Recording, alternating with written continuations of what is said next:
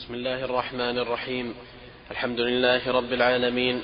صلى الله وسلم وبارك على نبينا محمد وعلى آله وصحبه أجمعين. أما بعد فغفر الله لك. يقول الإمام مسلم رحمه الله تعالى في صحيحه بسم الله الرحمن الرحيم. كتاب اللقطة. حدثنا يحيى بن يحيى التميمي. قال قرأت على مالك عن ربيعة بن أبي عبد الرحمن. عن يزيد مولى المنبعث عن زيد بن خالد الجهني رضي الله عنه أنه قال جاء رجل إلى النبي صلى الله عليه وسلم فسأله عن اللقطة فقال اعرف عفاصها ووكاءها ثم عرفها سنة فإن جاء صاحبها وإلا فشأنك بها. قال فضالة الغنم. قال لك أو لأخيك أو للذئب. قال فضالة الإبل. قال ما لك ولها. معها سقاؤها وحذاؤها تلد الماء وتأكل الشجر حتى يلقاها ربها. قال يحيى أحسب قرأت عفاصها. وحدثنا يحيى بن أيوب وقتيبة وابن حجر. قال ابن حجر أخبرنا وقال الآخران حدثنا إسماعيل وهو ابن جعفر. عن ربيعة بن أبي عبد الرحمن عن يزيد مولى المنبعث.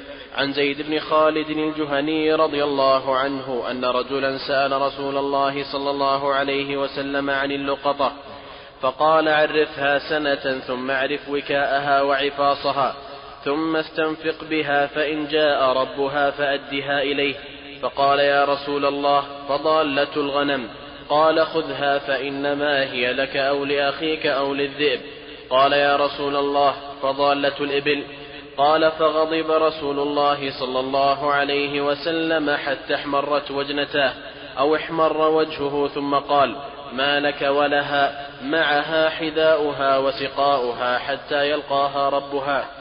بسم الله الرحمن الرحيم. الحمد لله رب العالمين والصلاة والسلام على نبينا محمد وعلى آله وصحبه أجمعين أما بعد.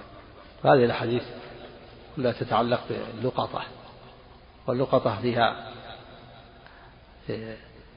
فيها ألفاظ قال يقال لقطة ويقال لقطة ويقال لقطة ويقال لقاطة. لقطة ولقطة ولقطة ولقاطة. وهي وهي المال أو المتاع المأخوذ الذي لا يعرف صاحبه. يقال له لقطة. المال أو المتاع الذي يجده الإنسان ويأخذه وليس له ولا يعرف له مالك. وفي هذه الحديث بيان حكم اللقطة. وهو أنه يجوز الإنسان أن يأخذ أن يأخذه. ولا بل بل إنه مأمور بأخذه. لهذا قال أمر النبي صلى الله عليه وسلم وهذا الأمر الاستحباب عند جمهور العلماء. قال بعضهم إنه الوجوب وفيه أن اللقطة تعرف سنة.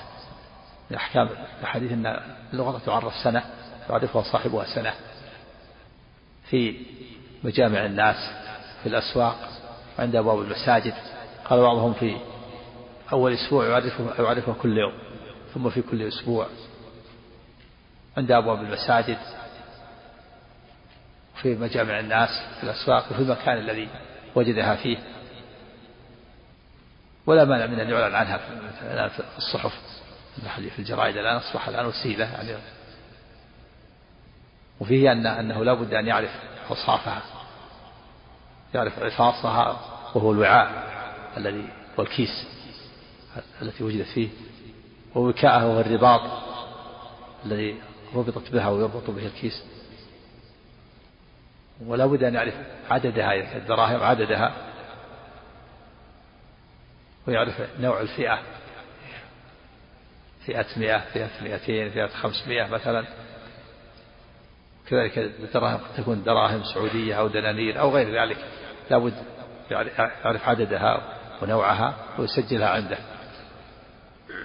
فإن جاء من يعرف الأوصاف دفعها إليه. وإذا مضى سنة فإنه يملكها ويتصرف فيها تكون كسائر ماله إلا أن تكون وديعة عنده. بمعنى أنه إذا جاء صاحبها يوم من الدهر وعرف الأوصاف دفعها إليه. وأما هذا إذا كانت اللقطة من الدراهم أو الأمتعة أو أما إذا كانت من من بهيمة الأنعام فإن الشاة يأخذها لأن الشاة لا تمتنع من السباع. قال خذها هي لك أو لأخيك أو للذئب. لما سأل النبي صلى الله عليه وسلم عن ضالة الغنم قال هي لك أو لأخيك أو للذئب. يعني إن لم تأخذها أخذها أخوك وإن لم تأخذها أنت ولم يأخذ أخوك أكلها الذئب لأنها لم تمتنع لا تمتنع من السباع ولا تمنع نفسها. تؤخذ. فإذا أخذها يعرفها. إن أحب أن تبقى عنده يعرفها أو تكون مع غنمه فله ذلك. وإن أحب أن يبيعها أو يحتفظ بثمنها لأنه يشق عليه حفظها. وإن أحب أن يأكلها ويقدر ثمنها وإذا جاء صاحبه دفع إليه لأن قد لا يتمكن الإنسان من إبقائها عنده وإعلافها. وقد يسهل هذا على بعض الناس يكون عنده غنم مثلا وتكون معها. وأما ضالة الإبل فإنه لا يأخذها. ولهذا لما سأل النبي عن ضالة الإبل قال دعها إنما حذاءها وسقاءها.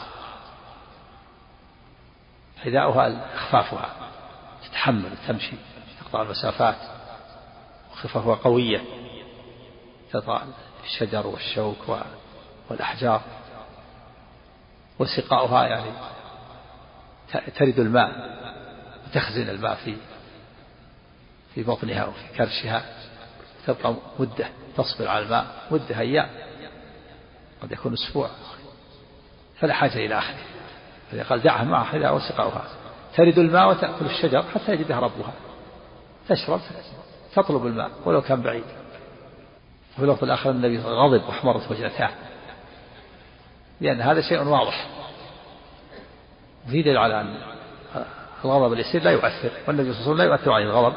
لكن هذا أيضا ما يستدل به على أن المفتي أو الحاكم إذا غضب غضبا يسيرا فلا فلا يضر. فيه أن من وسائل التعليم أو الدعوة الغضب تبين الغضب في وجه الداعية أو السائل المفتي إذا سئل عن شيء. يغلب على الظن أن السائل يعرف حكمه. ولكن لو لو كانت لو كان البعير أو الناقة في مكان مسبعة يخشى أن تجتمع عليه السباع. أو كان في مكان يخشى عليه من السراق ثم نقلها إلى مكان آخر مأمون. فهذا معروف من قواعد الشريعة وأدلتها العامة هذا شيء خاص حالة نادرة إذا لو كانت في مكان مسبعة يخشى أن تجتمع على السباع تقضي عليها إذا كثرت السباع وسود أو نور كثيرة أو في مكان يغلب على الظن أنها أنها تسرق وأنها تؤخذ ثم نقلها إلى مكان مأمون فهذا معروف دليله النصوص العامة والأدلة العامة. نعم. نعم. إذا كانت لا تمتنع كانت تمتنع قد الأقرب والله حكم حكم الغلب إذا كانت ما تمتنع. نعم. إذا كانت وحدها نعم. من قال إنها الوجوب يرى يأثم. الجمهور على إنها الاستحباب الأمر الاستحباب. نعم. ها ما تولد من اللقطة آه، يختلف. إن كان النمو الزيادة متصلة كالسمن والتعليم تعليم صنعة أو خياطة مثل في العبد أو الجارية تتعلم لكن هذا لا يتصور مثل بالنسبة أن يكون ضائع. قد يكون ضائع ولا يعرف صاحبه. المقصود الزيادة متصلة تابعة له. أما الزيادة المنفصلة كأن تكون ولدت. فهذه في السنة الأولى تتبعها. وفي السنة الثانية ليس تكون للملتقط. في السنة الأولى يدفع اللقطة وما تولد منها. وفي السنة الثانية يكون لها الولد. نعم. مثل ما سبق قال بعضهم في الأسبوع الأول كل يوم في في المكان الذي وجده ثم في كل أسبوع في يوم الجمعة في مجامع الناس. لو أعلن عنها إعلانات في بعض الأمكنة أو إعلان في الصحف هذا جيد. لكن ما يكفي لابد أيضا من التعريف. نعم. نعم. خارج المسجد. ما هو داخل المسجد نعم. نعم. وحدثني أبو الطاهر عند, عند أبواب المساجد. نعم. وحدثني أبو الطاهر قال أخبرنا عبد الله بن وهب قال أخبرني سفيان الثوري.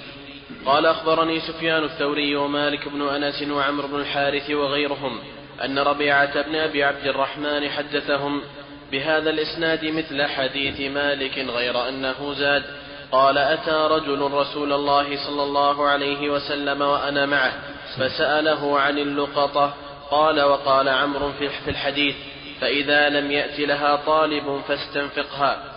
وحدثني أحمد بن عثمان بن حكيم الأودي قال حدثنا خالد بن مخلد قال حدثني سليمان وهو ابن بلال عن ربيعة بن أبي عبد الرحمن عن يزيد مولى المنبعث قال سمعت زيد بن خالد الجهني رضي الله عنه يقول أتى رجل رسول الله صلى الله عليه وسلم فذكر نحو حديث إسماعيل بن جعفر غير أنه قال فاحمار وجهه, فاحمار وجهه وجبينه وغضب وزاد بعد قوله ثم عرفها سنة فإن لم يجئ صاحبها كانت وديعة عندك. حدثنا عبد هذا ظاهر أنه يكون في عنده في اللفظ الآخر فإن جاء صاحبها يوما من الدهر فأدها إليه. هذه عنها تبقى وديعة عنده مدى الدهر. إن جاء طالبها دفع إليه وإن لم يأتي طالبها فهي تكون من جنس من جنس ماله. ليس عليه نعم. لا ما يمكن. هذا قد يقال هذا الشيء اليسير أو إذا كان متعارف عليه. نعم نعم. بعد سنة إذا تملكها إذا تملكها تصير كماله كسائر ماله نعم. حدثنا عبد الله بن مسلمة بن قعنب قال حدثنا سليمان يعني بن بلال عن يحيى بن سعيد عن يزيد مولى المنبعث أنه سمع زيد بن خالد الجهني رضي الله عنه صاحب رسول الله صلى الله عليه وسلم يقول سئل رسول الله صلى الله عليه وسلم عن اللقطة الذهب أو الورق؟ فقال اعرف وكاءها وعفاصها ثم عرفها سنة فإن لم تعرف فاستنفقها ولتكن فإن لم تعرف. ضبطها عندك؟ الشارح؟ نعم. ها؟ فايش ضبطها عندك؟ وين؟ الشكل ولا؟ لا الشكل ما له عمله كلام بالحروف. قال لك بفتح التاء المثنات الشرح قال بفتح التاء المثنات. ها؟ ما ما بضبط هذا. الشكل ما بضبط. الشكل ما عليه عمدة. نعم. العمدة على بالمثنات التحتانية وبالمثنات الفوقانية مفتوحة نعم. ها؟ فإلا تعرف كذا. إيه. هذا هذا هذا الضبط. لا. بالبيان المفعول. بس. ما هو ظاهر. النووي ما تكلم عليه. إلا تعرف أنت إن لم تعرف وإن لم تعرف هو الخطاب للواجب. إن لم محتمل. محتمل وإن لم تعرف يعني أنت لها واجدا. بس ما ذكر وجه آخر. محتمل. يعني له وجه. فإن لم تعرف يعني فإن لم تعرف لها واجدا أو طالبا أو فإن لم تعرف فلم. أحد بالشكل عليك في الفتح التاء. نعم. نعم لم تعرف؟ لها وجه يعني. لم تعرف أنت يعني واجدا لها. والأصل فإن لم تعرف. نعم, نعم. فقال اعرف وكاءها وعفاصها ثم عرفها سنة. فإن لم تعرف فاستنفقها ولتكن وديعة عندك. فإن جاء طالبها يوما من الدهر فأدها إليه. هذا واضح. قال ولتكن وديعة عندك. قال فإن جاء طالبها يوما من الدهر إليه هذا دليل على أنها أنه أنها من ماله إلا إذا جاء صاحبها يوما من الدهر ولو بعد سنين. هذا دليل على أن ينبغي الإنسان أن يقيد يعني الصفات حتى لا يسأل يسجلها سجل اللقطة أو أوصافه فإن جاء من عرف الصفات يدفع إليه ولو بعد عشر سنين. وإن لم يأتي حد فهله نعم. لا يتصرف يتصرف فيه بعد سنة يتصرف فيها. لكن جاء صاحبها يوم النذر يعطيه قيمتها ينفقها ويعطيها قيمتها يسجل قيمتها والشاة كذلك إذا أكلها أو أو أو باعها احتفظ بقيمتها نعم. ها؟ إيه لا قد لا قد, قد لا قد لا يتمكن الإنسان من إبقاء عينها بعد سنة. نعم. نعم. لا إذا ماتت وما تسبب أو هي وديعة عنده ويكون مؤتمن في هذا.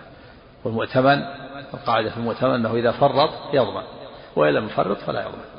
كان حصل منه تفريط سبب في موتها يضمنها وإلا فليس عليه شيء. قضاء قدر. نعم. لا يضمنها إذا كان ما فرط. نعم. الله وسأله عن ضالة الإبل فقال ما لك ولها دعها فإن معها حذاءها وسقاءها ترد الماء وتأكل الشجر حتى يجدها ربها. وسأله عن الشاة فقال خذها فإنما هي لك أو لأخيك أو للذئب. وحدثني إسحاق بن منصور قال أخبرنا حبان بن, بن هلال قال حدثنا حماد بن سلمة قال حدثني يحيى بن سعيد وربيعة الرأي وربيعة الرأي بن, عبد بن أبي عبد الرحمن عن يزيد مولى المنبعث عن زيد بن خالد الجهني رضي الله عنه أن رجلا سأل النبي صلى الله عليه وسلم عن ضالة الإبل. زاد ربيعة فغضب حتى احمرت وجنتاه واقتص الحديث بنحو حديثهم وزاد. فإن جاء صاحبها فعرف عفاصها وعددها ووكاءها فأعطها إياه وإلا فهي لك.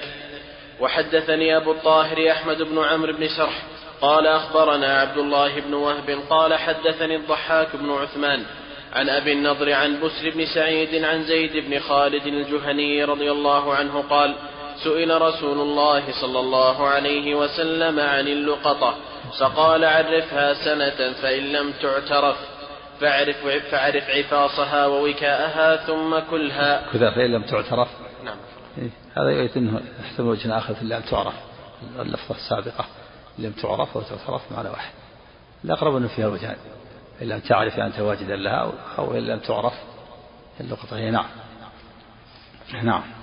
فقال عرفها سنة فإن لم تعترف فاعرف عفاصها ووكاءها. ويحتمل فإن لم تعترف يعني فإن لم تعترف أنت لها واجدا كما سبق. نعم.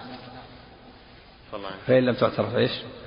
فقال عرفها سنة فإن لم تعترف فاعرف عفاصها ووكاءها ثم كلها فإن جاء صاحبها فأدها إليه. وهذا قول فاعرف يعني بعد مضي السنة دليل على أنه يعرفها مرتين يعني يعرف عفاصها وكا ورباطها المرة الأولى حين يجدها والمرة الثانية بعد مضي السنة يعرفها ويسجلها عنده وتكون شأن شأن ماله. يعني إذا مضت سنة ليس معنى ذلك أنه يهملها وخلاص كأنه ماله ولا يضبط أوصافها لا. بل لابد من ضبط أوصاف حفاظها وذكاءها يسجلها عنده. فإن جاء صاحبها من الدهر دفع إليه وإلا فهي من ماله. نعم. وحدثنيه إسحاق بن منصور قال أخبرنا أبو بكر الحنفي قال حدثنا الضحاك بن عثمان بهذا الإسناد وقال في الحديث فإن, فإن اعترفت فأدها وإلا فاعرف عفاصها ووكاءها وعددها. وحدثنا محمد بن بشار قال حدثنا زيادة وعددها عددها عفاصها ووكاء. العفاص الوعاء والكيس الموجود والوكاء الرباط الذي تربط بها في فمها فم الكيس. هنا وعددها أيضا عددها كالدراهم عددها فئات نوع الفئة.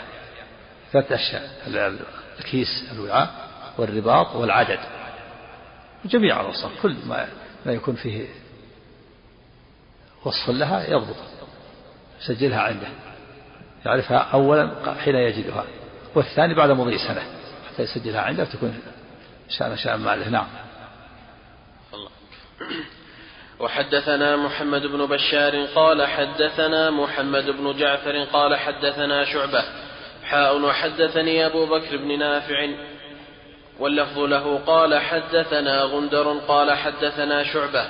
عن سلمة بن كهيل قال سمعت سويد بن غفلة قال غفلة. غفلة بفتحات. نعم. قال سمعت سويد بن غفلة قال خرجت أنا وزيد بن بن صوحان وسلمان بن ربيعة غازين فوجدت سوطا فأخذته فقال لي دعه فقلت لا. خرجت أنا. خرجت أنا وسلمان. خرجت أنا وزيد بن صوحان وسلمان بن ربيعة غازين. نعم.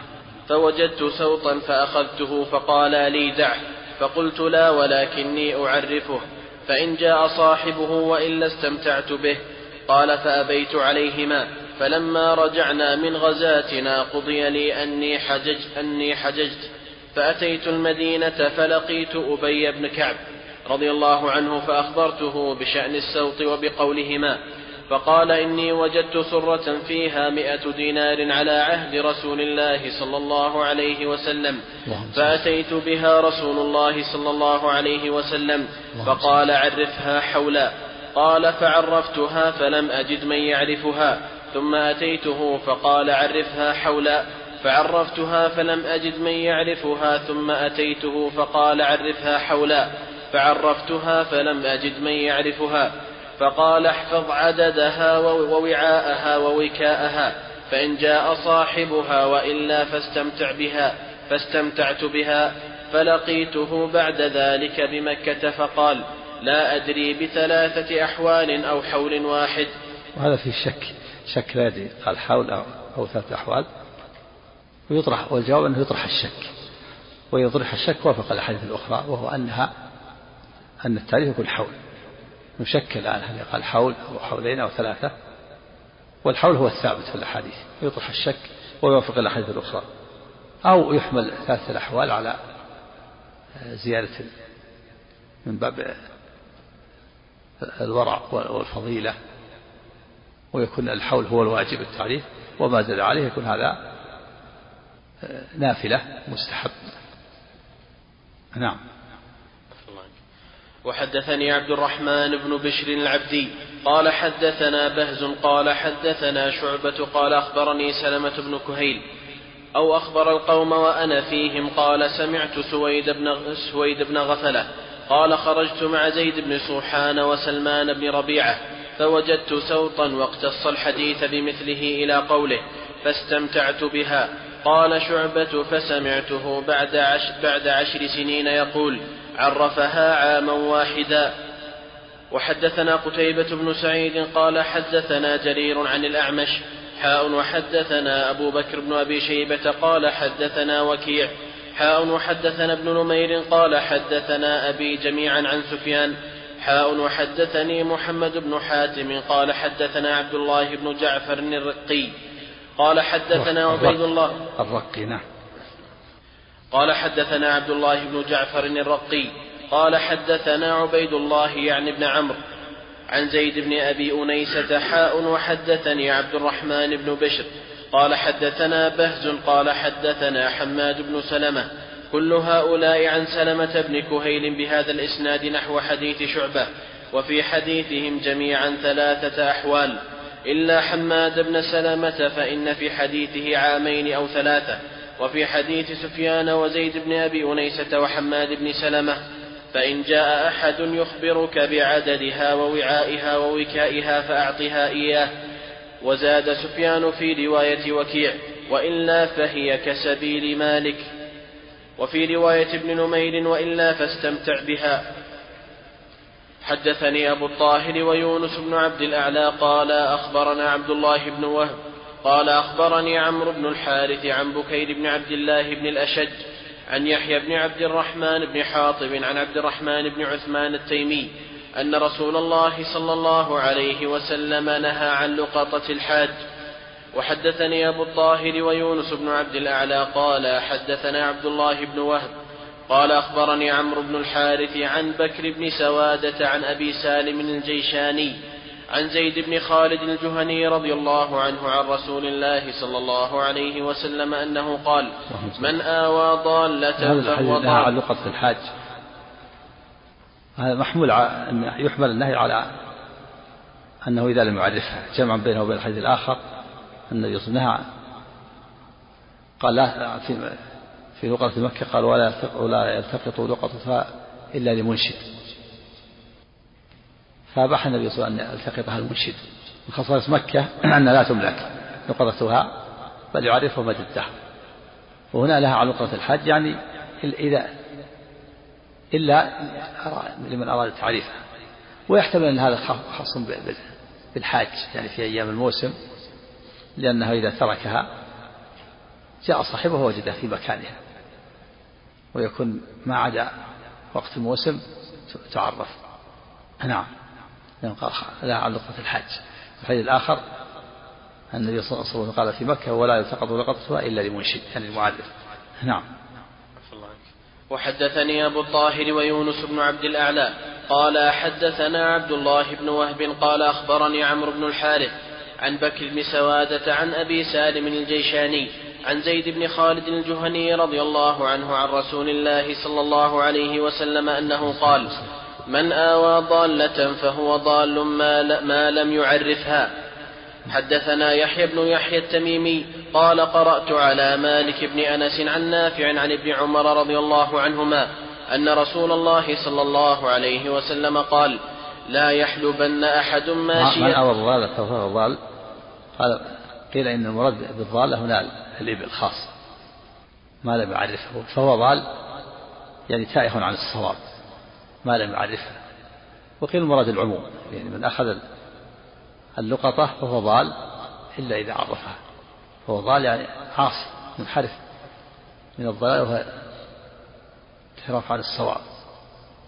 هذا يؤيد الوجوب وأنه يجب أن أنه إذا يجب تعريفها إذا أخذها وإلا فليتركها. وقيل أن هذا خاص بالضالة هي الإبل لأنها لا تؤخذ. نعم. حدثنا يحيى بن يحيى التميمي قال قرأت على مالك بن أنس عن نافع عن ابن عمر رضي الله عنهما أن رسول الله أبي جرير. بموازيك فجاء الراعي بالبقر وفيها بقرة يسقي منها فقال له جرير ما هذه؟ قال لحقت بالبقر بالبقر لا ندري لمن هي. فقال جرير أخرجوها وقد سمعت رسول الله صلى الله عليه وسلم يقول لا يؤذي الضال إلا ضال. قال صاحب أو المعبود أخرجه النسائي بلفظ من أخذ لقطة فهو ضال ما لم أجد هذا على العموم يعني. وقيل إنه خاص بالإبل لكن قوله ما لم يعرفها لأن ضالة ابل منهي عن أخذها. لها قال لا لا ما لك ولها هذا يعيد العموم. من هو الضال يعني اللقطة فهو ضال ما لم يعرفها. نعم. هذا هو. نعم هذا قول هذا قول. نعم.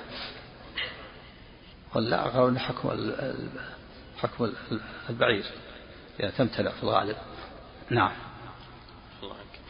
حدثنا يحيى بن يحيى التميمي قال قرأت تختلف اختلاف يعني قد تكون البقرة قوية ولها قرون. يكون حكم حكم الإبل وقد تكون ضعيفة. نعم. نعم. حدثنا يحيى بن يحيى التميمي قال قرأت على مالك بن أنس عن نافع عن ابن عمر رضي الله عنهما أن رسول الله صلى الله عليه وسلم قال لا يحلبن أحد ماشية أحد إلا بإذنه. أيحب أحدكم أن تؤتى مشربته فتكسر خزانته فينتقل طعامه. إنما تخزن لهم ضروع مواشيهم أطعمتهم فلا يحلبن أحد ماشية أحد إلا بإذنه. وحدثناه قتيبة بن سعيد ومحمد بن رمح جميعا عن الليث بن سعد. حاء وحدثناه أبو بكر بن أبي شيبة. قال حدثنا علي بن مسهر حاء وحدثنا ابن نمير. قال حدثني أبي كلاهما عن عبيد الله. حاء وحدثني أبو الربيع وأبو كامل. قال حدثنا حماد.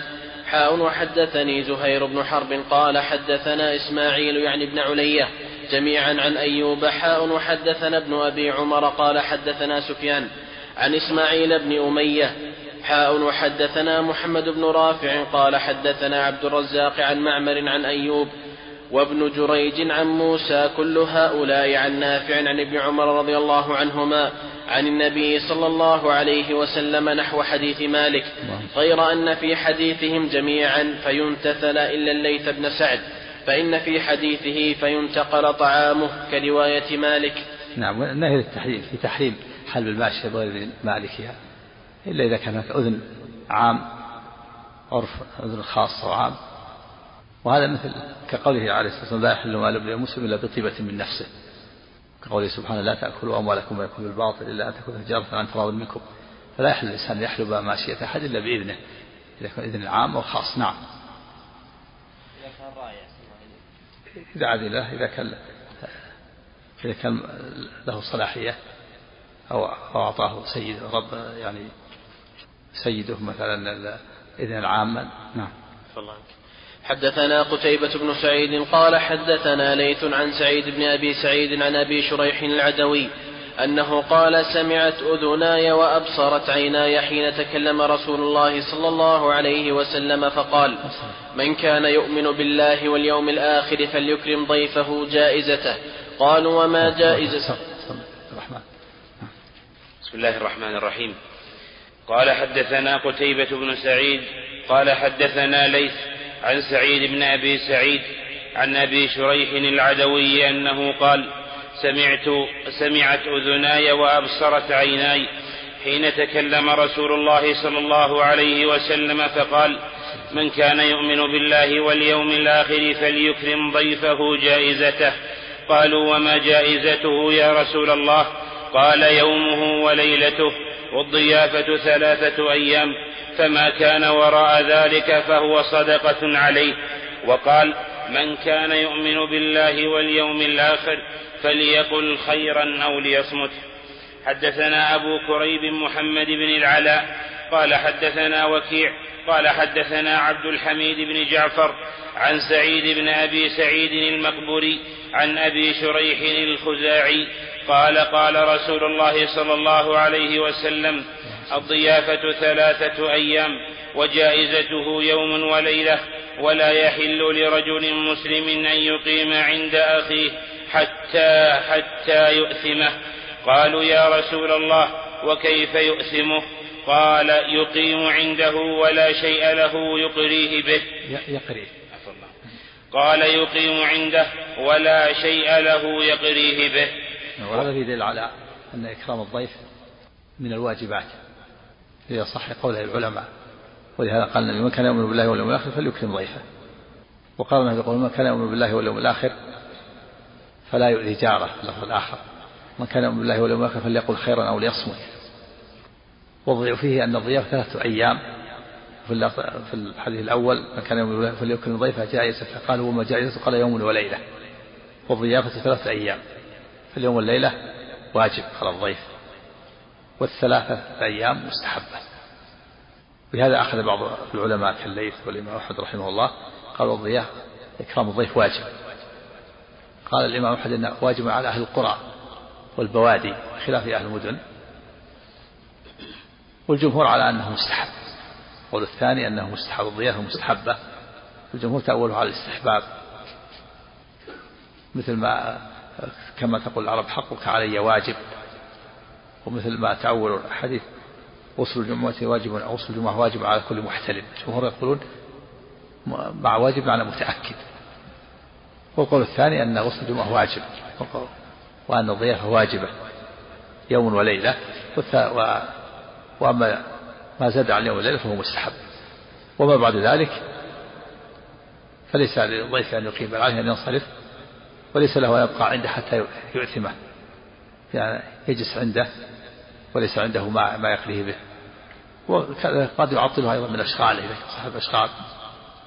فاليوم والليلة واجب.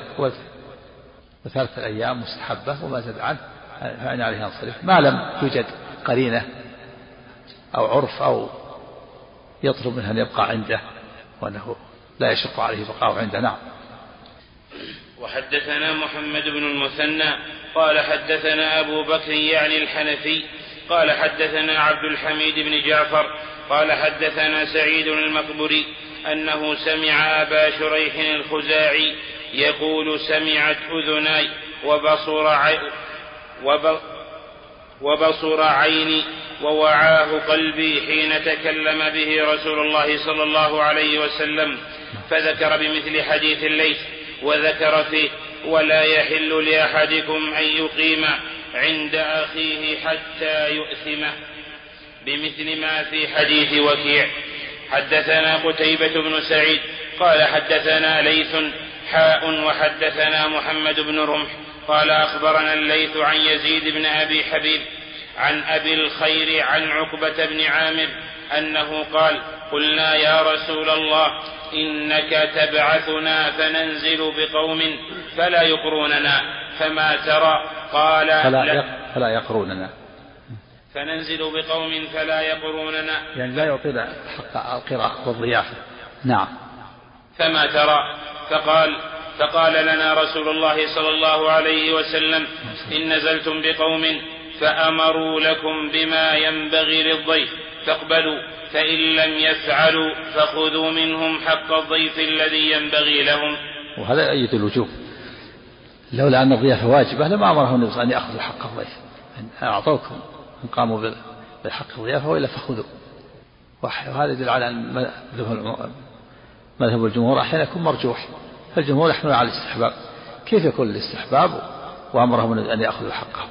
لو كان مستحب ما جاز لهم أن يأخذوا. وهذه مسألة الظفر مع حديث هند بنت عتبة لما قالت يا رسول الله إن أبا سفيان رجل شحيح لا يعطيني ما يكفيني وبنيه قال خذي ما يكفيك وإليك بالمعروف. فتجوز المرأة أن تأخذ مال زوجها إذا قصر في النفقة قدر كفايتها بالمعروف وكذلك الضيف إذا نزل بقوم فلم يعطوه حقه وظفر استطاع أن يأخذ يأخذ مقدار الضيافة لأن سبب الحق ظاهر الضيف معروف أنه له حق والمرأة لها طاعة هذا ظاهر أما إذا لم يكن الحق سبب الحق ظاهرا فالأولى ألا ألا يأخذ لئلا يتهم بالسرقة أو يكون عليه أو يكون عليه ضرر يعني يحبس أو تقطع يده. لمسألة الظهر فيها أقوال ثلاثة لهذا. يجوز مطلقا لا يجوز مطلقا يجوز إذا كان سبب الحق ظاهرا. كالضيف سبب الحق ظاهر. وهذا هو الأرجح تفصيل وكذلك أيضا الزوجة لا تأخذ مال زوجها من غير علمه إذا كان مقصر في النفقة لكن بالمعروف. تأخذ نعم. من ماله. إذا قدر إذا قدر استطاع أن يأخذ ماله بغير علم أخذ مقدار ضيافة. اللي ينزل به اللي ينزل بالضيافة ينزل على شخص معين. نعم. بسم الله الرحمن الرحيم. كتاب المغازي. حدثنا شيبان بن فروخ. كتاب المغازي جاب كتاب المغازي لا ها؟ إيش بعد؟ لا باكي. ما باكي كتاب المغازي عندنا باقي. ها باقي. كمل كمل. ما في ما في كتاب المغازي كتاب كتاب الجهاد والسير بعد هذا. نعم. نعم. حدثنا شيبان بن فروخ قال حدثنا أبو الأشهم بن أبي نضرة نعم. عن أبي سعيد الخدري رضي الله عنه قال ما في يعني. إيش بعد؟ حديث إيش اللي بعد؟ ها؟ ها إيش؟ هذا بالسير هذا؟ تبع الجهة طيب إذا غلط كتاب المغازي. ترجمة غلط كتاب المغازي. إيه، بس الحديث في تابع المغازي؟ اقرأ الحديث شوف. نعم.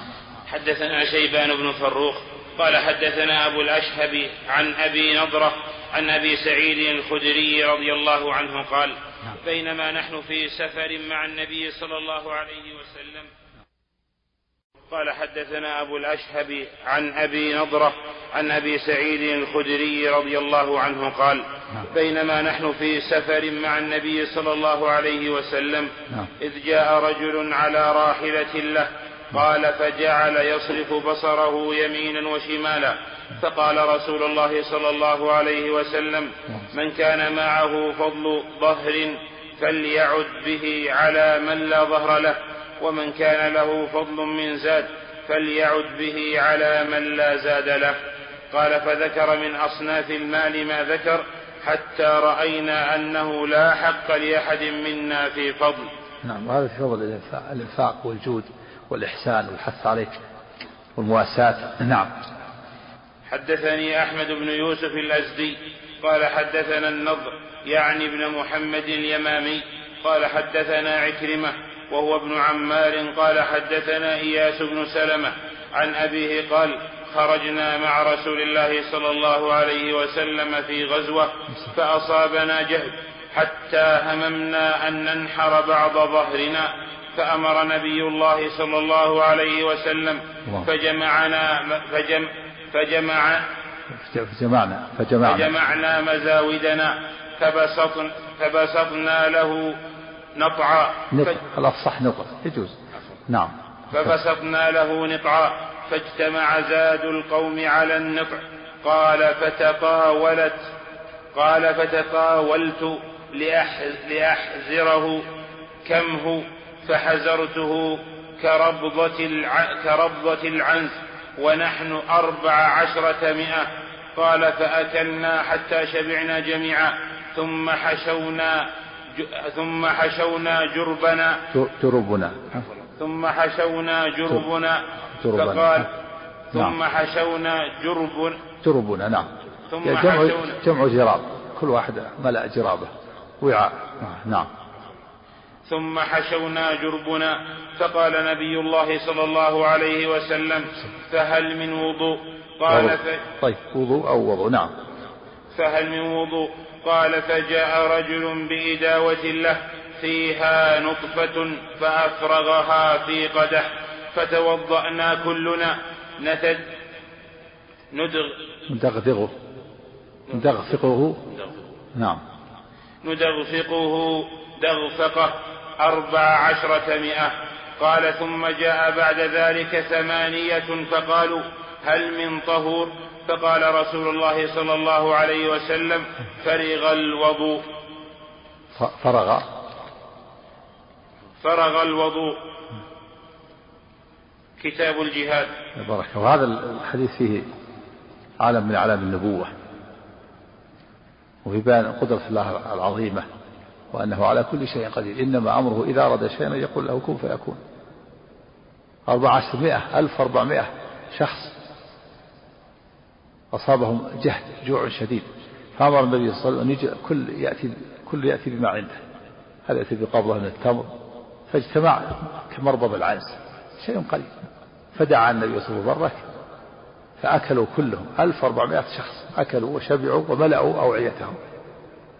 كذلك الماء المعجزة الثانية المعجزة للنبي صلى الله عليه وسلم. هو أنه قال هل من وضوء؟ فأتي بماء قليل. وضح في أفرغ في إناء فدعا عليه النبي وبرك فكثر الماء حتى توضأوا كلهم 1400 شخص.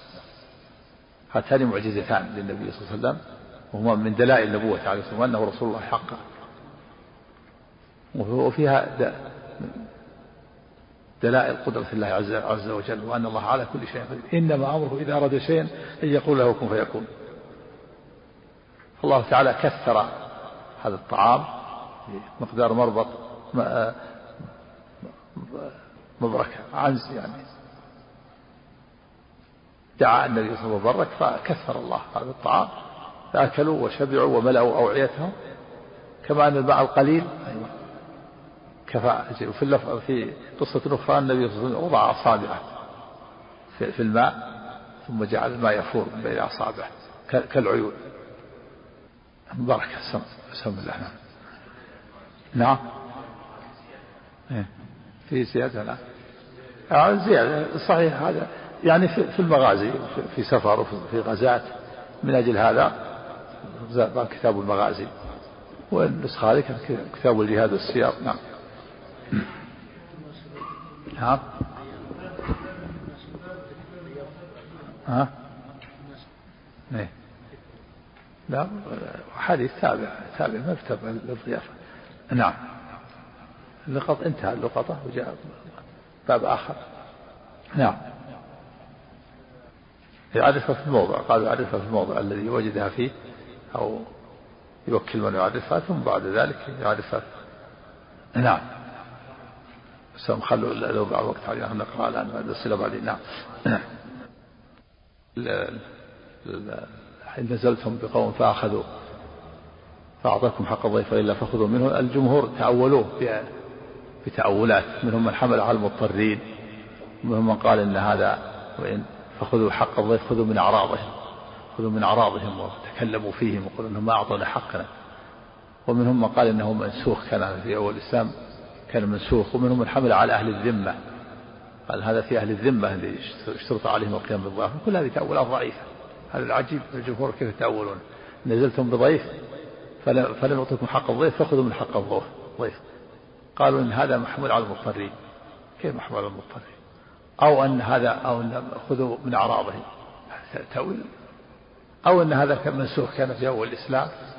أو أن هذا خاص بأهل الذمة. كلها تأويلات ضعيفة. كل هذه تعسفات والصواب أن أن حق الضيف أنه واجب. ولولا أنه واجب لما أمرهم أن يأخذوا حق الضيف.